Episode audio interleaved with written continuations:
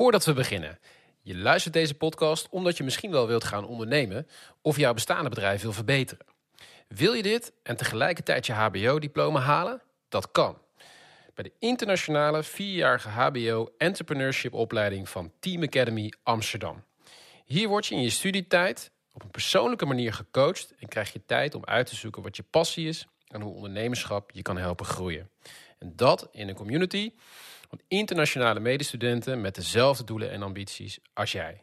Ben je geïnteresseerd? Er is elke maand een interactieve introductieavond waarvoor je nu kunt opgeven op teamacademy.nl. Dan gaan we nu naar de aflevering. Tof dat je luistert naar de Job, oftewel de Jonge Ondernemers Podcast. Iedere aflevering interviewen we een jonge ondernemer over een concreet dilemma waar jonge ondernemers tegenaan lopen. In deze aflevering een dilemma: vasthouden aan je idee of toch aanpassen. Hans, jij draait er gewoon bij met de wensen van de klant, of niet? Ja, over het algemeen eigenlijk wel. Dat, uh, ik vind het belangrijk om te luisteren naar onze klanten en daarmee uh, onze dienstverlening op aan te passen. Maar ik heb ook wel, moet ik zeggen, voorbeelden um, dat het ons niet gelukt is of dat we het anders aanpakten. Zo weet ik nog een hele leuke local recruiter, een uh, franchise uitzendorganisatie um, waarvan ik echt geloofde van dit is echt wat de markt nodig heeft. Heeft een lokale uitzender met lokale krachten, lokale mensen. dus ons concept, zoals wij het hadden bedacht, dat moest het echt gaan worden uiteindelijk liep het toch wel anders dan we hadden gedacht. Hoe dat afloopt gaan we straks uh, horen. Want eerst gaan we luisteren naar uh, Michiel Kalverda van TMR Academy. Jonge ondernemer, 27 jaar. En hij heeft als missie om het hele onderwijs digitaal geletterd te maken. Ik ben benieuwd.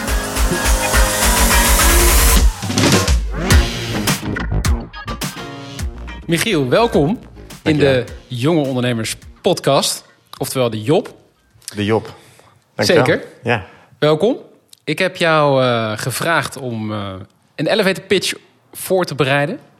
Jij staat in die lift. Je hebt 30 seconden de tijd.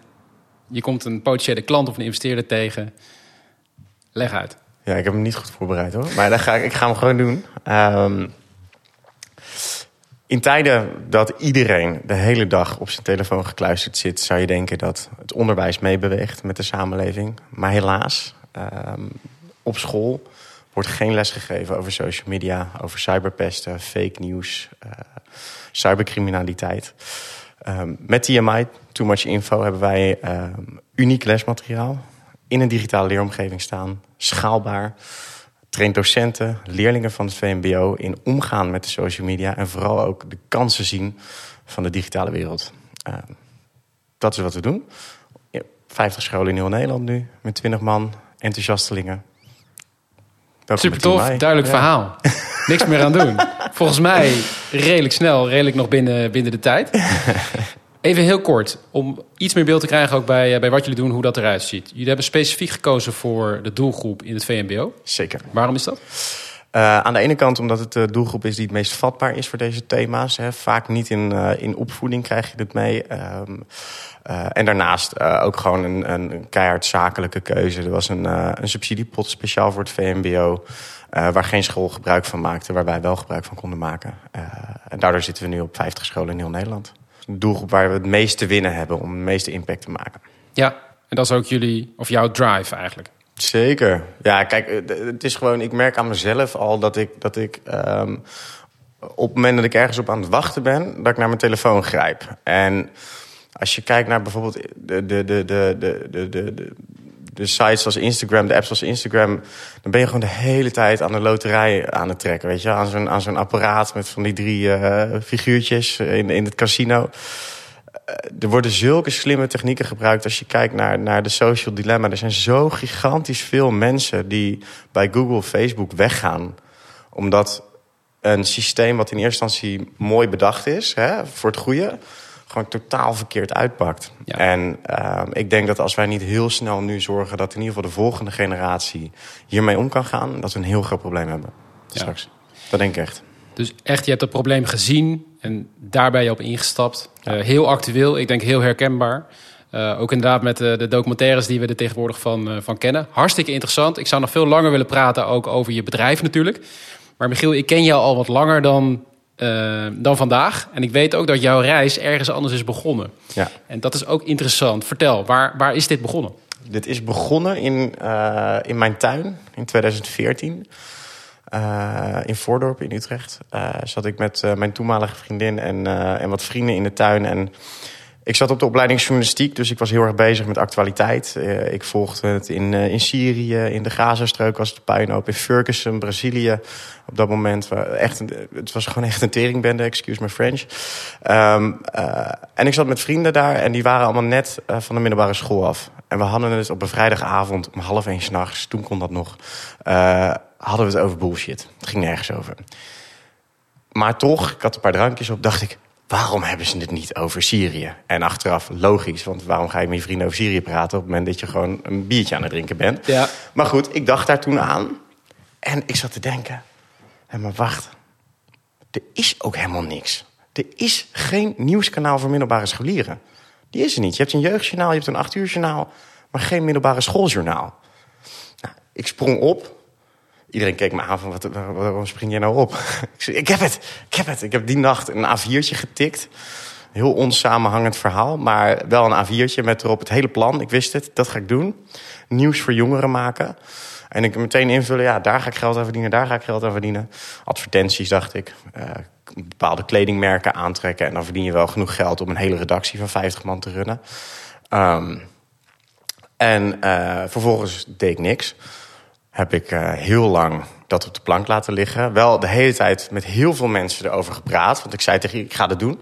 Ik ga het doen. Ik was mezelf aan het overtuigen. Op een gegeven moment, denk drie, vier maanden later... eh, eh, op school, school journalistiek... was er een vak waarmee je een literatuuranalyse mocht doen ik tegen die student zeg, nou, ik heb dit idee, mag ik, mag ik, mag ik dat hiervoor doen? Eh, dus ja, tuurlijk. Dus nou, met, eh, met, eh, met een medestudent een literatuuranalyse gaan doen over de behoefte. Hebben jongeren behoefte aan informatie? Ja. In de literatuur stond, jazeker, jongeren hebben behoefte aan nieuws. Oké. Nou, weer een half jaar met heel veel mensen erover praten. In de, in, de, in de kroeg van school heb ik denk ik wel 200 man gesproken. En iedereen vond het een goed idee. maar ik durfde nog niet te beginnen. En toen ehm, eh, eh, kwam ik op de minor project van je leven van de, de Hogeschool Utrecht. eh, Joost de Bruin. En daar kon ik een half jaar lang met een minor mijn eigen project opzetten. Ben ik gaan doen. Nooit meer gestopt. Ik, ik onderbreek je even inderdaad, Ja. want interessant. Je, je reis begint echt in het onderwijs. Eerst bij journalistiek, waar je de kans krijgt om het onderzoek te doen. Vervolgens dus in de minor project van je leven bij de Hogeschool Utrecht. Ja. Wat heeft dat uiteindelijk voor jou betekend? Dat ik geen diploma heb. Eigenlijk heel simpel. Opgegaan in je onderneming Ja, en het ja. niet afgemaakt. Maar het heeft betekend dat ik een kans heb gekregen om, om een half jaar lang fulltime eraan te werken. Dat werd meer dan fulltime. Dat werd, eh, dat werd eh, nou, nog steeds vandaag de dag 60 uur per week gemiddeld. Ehm, eh, dat heeft betekend dat we, dat we kansen hebben gezien. We zijn naar middelbare scholen gegaan, met, met jongeren gaan praten. Waar heb je behoefte aan? Een wedstrijd meegedaan, startsubsidie gewonnen van 20.000 euro. Een tegelprijs gewonnen in de journalistiek. eh, Een bekende prijs. Eh, buiten de journalistiek kent niemand het. Maar dus wel prestigieus, vind Ja. ik zelf. Ehm, voor innovatie. En vervolgens eh, ja, eh, hebben we denk ik in een jaar tijd 100 nieuwsvlogs gemaakt. We zijn in India geweest. Bij de ver- verkiezingen van Trump zijn we geweest. Eh, in Brussel zijn we geweest. Eh, met Pokémon Go waren we erbij. Hebben we nieuwe vrienden gemaakt in de stad. Weet je wel. En eh, echt super vette, eh, vette producties gemaakt. Maar wel maar eh, duizend views per filmpje of zo. Weet je wel. Ja. En dat was dus ehm, vanuit het oorspronkelijke idee om een nieuwsplatform eh, eh, te ontwikkelen. Maar uiteindelijk is jouw bedrijf ergens anders geland. En dan brengt me eigenlijk ook een beetje op het hoofdonderwerp van deze aflevering. Ja. Eh, het dilemma waar jij eigenlijk tegenaan bent gelopen. Vertel. Nou, het is, het is denk ik het, het, het, het grootste dilemma waar ik, waar, ik denk ik, waar ik aan moest denken toen je me hiervoor vroeg. eh, was dat ik een droom had, een vuur in mezelf had. Van ik moet dat nieuwskanaal gaan maken. Ehm, maar dat je op een gegeven moment merkt van... hé, hey, er, wordt, er wordt eigenlijk al op een net iets andere manier... eh, merk ik een behoefte. En eh, het lastige is dan... je hebt met je hebt meer dan 200 mensen heb je verteld ik ga dat nieuwskanaal maken. Hè? Ik heb in de kroeg heb ik lopen vertellen dat ik binnen vijf jaar een wolkenkrabber in New York heb. Weet ik, weet, ik weet het nog uit die tijd. Jij was behoorlijk uh, van de bravoure en de praatjes en uh, je stond voor je zaak. Precies. Ik stond voor mijn zaak. Ik sta nog steeds voor mijn zaak. Daar is niks in Zeker. veranderd. Alleen nu heb ik iets meer ervaring, denk ik. Nee, maar het is, weet je, je moet dan je, moet dan je trots uh, op een of andere manier aan de kant weten te schuiven. En dat is niet 1, 2, 3 gebeurd. Maar we zagen gewoon, we werden op een gegeven moment gevraagd door beeld en geluid uh, tijdens de week van de mediawijsheid van hey, kunnen jullie niet een keer een workshop komen geven uh, over, over wat jullie willen. Uh, we hebben allemaal jongeren die naar beeld en geluid komen. Dus wij dachten, ik, ik vroeg in, in het team, want ik heb heel veel studenten die allemaal vrijwillig dingen deden in die tijd.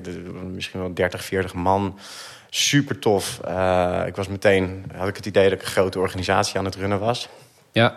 Um, maar ik vroeg, hey jongens, wie heeft er wel eens een workshop gegeven? Niemand stak zijn hand op. Dus toch ja gezegd. ik dacht, ja, fuck it, we kunnen het wel. We waren heel goed in filmpjes maken. Dus we dachten, wat gaan we doen? We gaan filmpjes maken met jongeren. En wat er toen gebeurde op in drie dagen tijd, met 180 jongeren hebben we negen video's gemaakt over het festival van beeld en geluid toen de tijd. En er kwamen gewoon op twee verschillende dagen verschillende docenten naar me toe. Die zeiden, Michiel, ik weet, niet, ik weet niet wat je gedaan hebt, maar mijn leerlingen zijn aan het einde enthousiaster dan aan het begin. Misschien wil je dit ook op school komen doen, want ik heb wel meer leerlingen die dit willen. Nou, dat, dat is blijven hangen ergens. Het idee was, we geven een workshopje, een beetje PR en we gaan weer terug. En dat, dat heeft wel iets geraakt. Dat ik dacht, ja, shit, misschien wil die school er wel voor betalen, weet je wel. Ik had, ik had nauwelijks een verdienmodel. Ik dacht, advertenties, maar ja, met duizend views per filmpje ga je geen geld verdienen. Precies. En uh, ik had, inmiddels had ik me uitgeschreven bij de school voor journalistiek. Dus ik had ook geen studie meer. Weet je, ja, waar ga je dan je huur van betalen? Nou, en toen is langzaam, toen kwam Trump op, uh, de term fake nieuws. Nou, we hadden die hele livestream staan. Ik was bijna aan het janken aan het einde. Ik denk van, hoe kan die vent nou, hoe kan die nou met zulke rare teksten verkozen worden? Nou, achteraf blijkt natuurlijk dat het onwijs logisch is dat die vent verkozen is.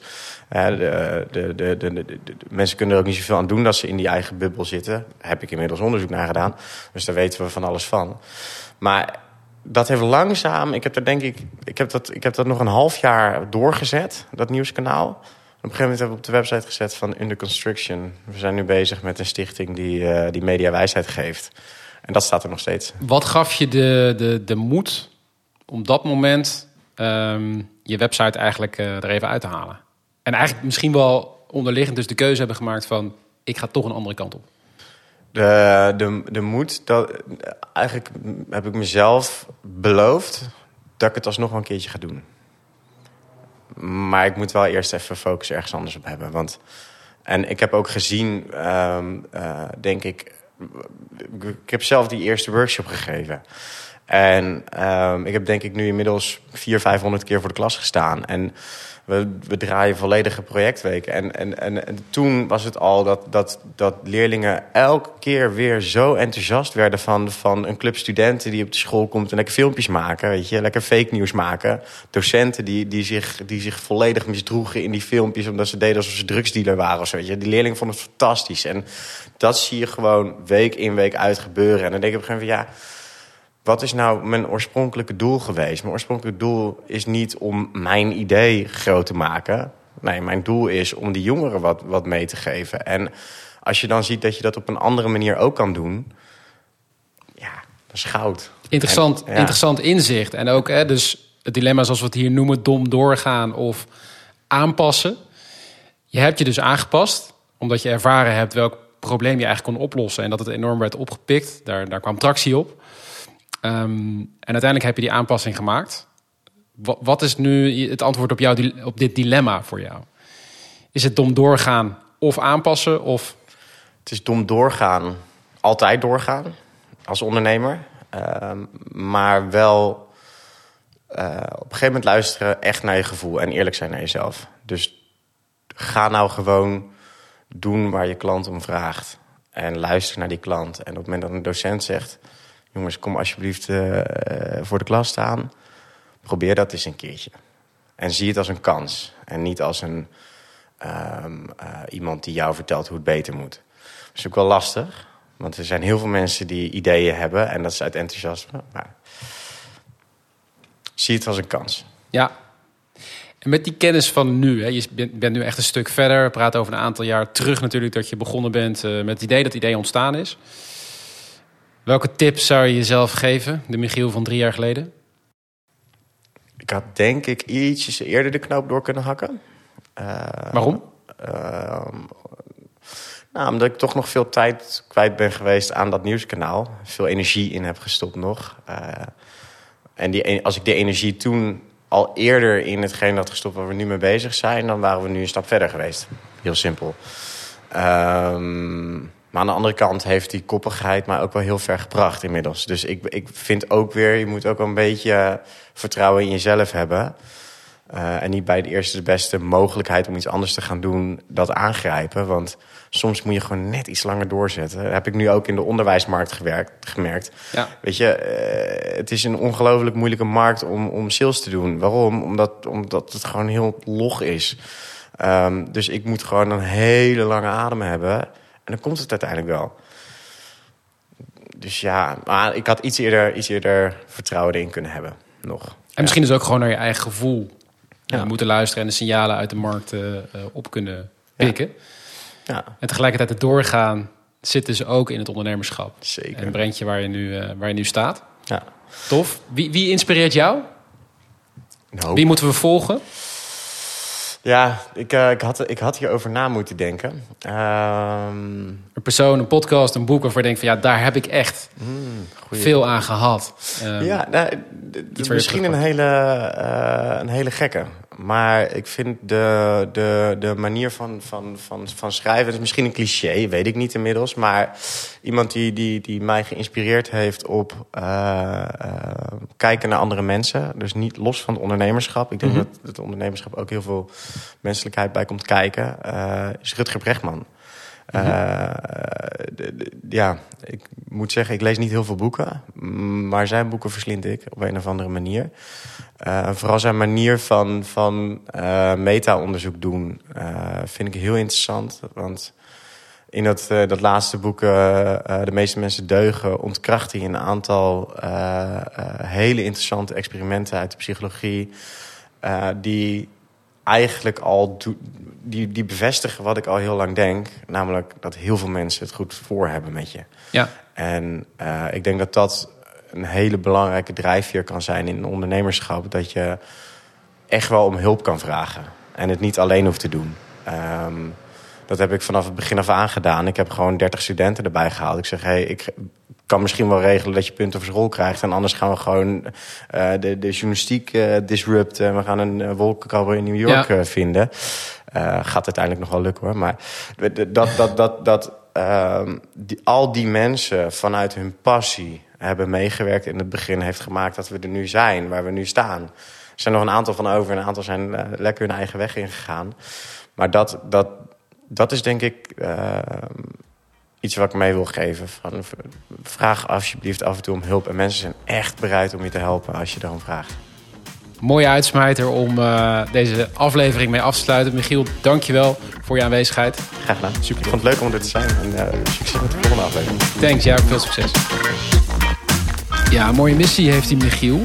We hebben het natuurlijk over het dilemma vasthouden aan je idee of aanpassen. Maar uiteindelijk kiest hij niet echt. Hè? Dus hij gaat uiteindelijk toch nog zijn oorspronkelijke idee doen. Maar het staat in de koelkast. En dan breng ik me toch weer bij jou uh, terug, Hans.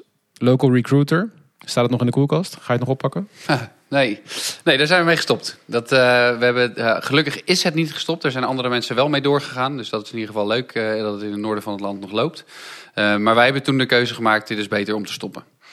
Dus dat, dat moet soms ook. Ik ben benieuwd eigenlijk wat jij van de podcast vond. Ja, ik vond het een mooi gesprek. En wat ik eruit haal is toch wel het inzicht... kies je momentum. Dus ze passen aan. Uiteindelijk past hij natuurlijk aan. Hij zegt, het heeft al wat te lang geduurd... maar uiteindelijk gaan we voor de wensen van de klant... om onze missie te bereiken. Um, maar toch houdt hij zijn oorspronkelijke idee nog vast... op een moment dat het misschien wel uh, kan slagen. En dat is denk ik een heel mooi leerzaam inzicht. En jij? Um, nou, ik probeer altijd naar praktische punten te luisteren. Uh, naar de tips. En er waren eigenlijk drie tips in deze, in deze aflevering. luister naar je klant. Wees eerlijk naar je gevoel, over je gevoel. eh, en vraag om hulp. Eh, het, klinkt een beetje cliché, eh, en dat is het misschien ook wel. Ehm, eh, want ik dat weet je toch wel. Maar toch is het goed om dit soort dingen weer te reminden en tegen elkaar te zeggen. Want denk maar eens na over hoe vaak je om eh, zakelijke hulp gevraagd hebt de laatste tijd. Eh, dus dat waren denk ik drie eh, best wel nuttige tips om eh, goed mee te nemen. Goeie tips inderdaad. Dus luister naar je klant, eerlijk zijn naar jezelf en vraag om hulp. Heel mooi. Ik denk dat we daar eh, concreet eh, van kunnen leren. Hans, bedankt. Michiel, ook enorm bedankt voor het leuke gesprek. En jij natuurlijk bedankt voor het luisteren. En wil je blijven luisteren naar deze podcast? Abonneer je dan in deze podcast-app. Schrijf een recensie, dan worden we beter gevonden. En stuur door naar iedereen voor wie deze podcast interessant is. Tot de volgende aflevering.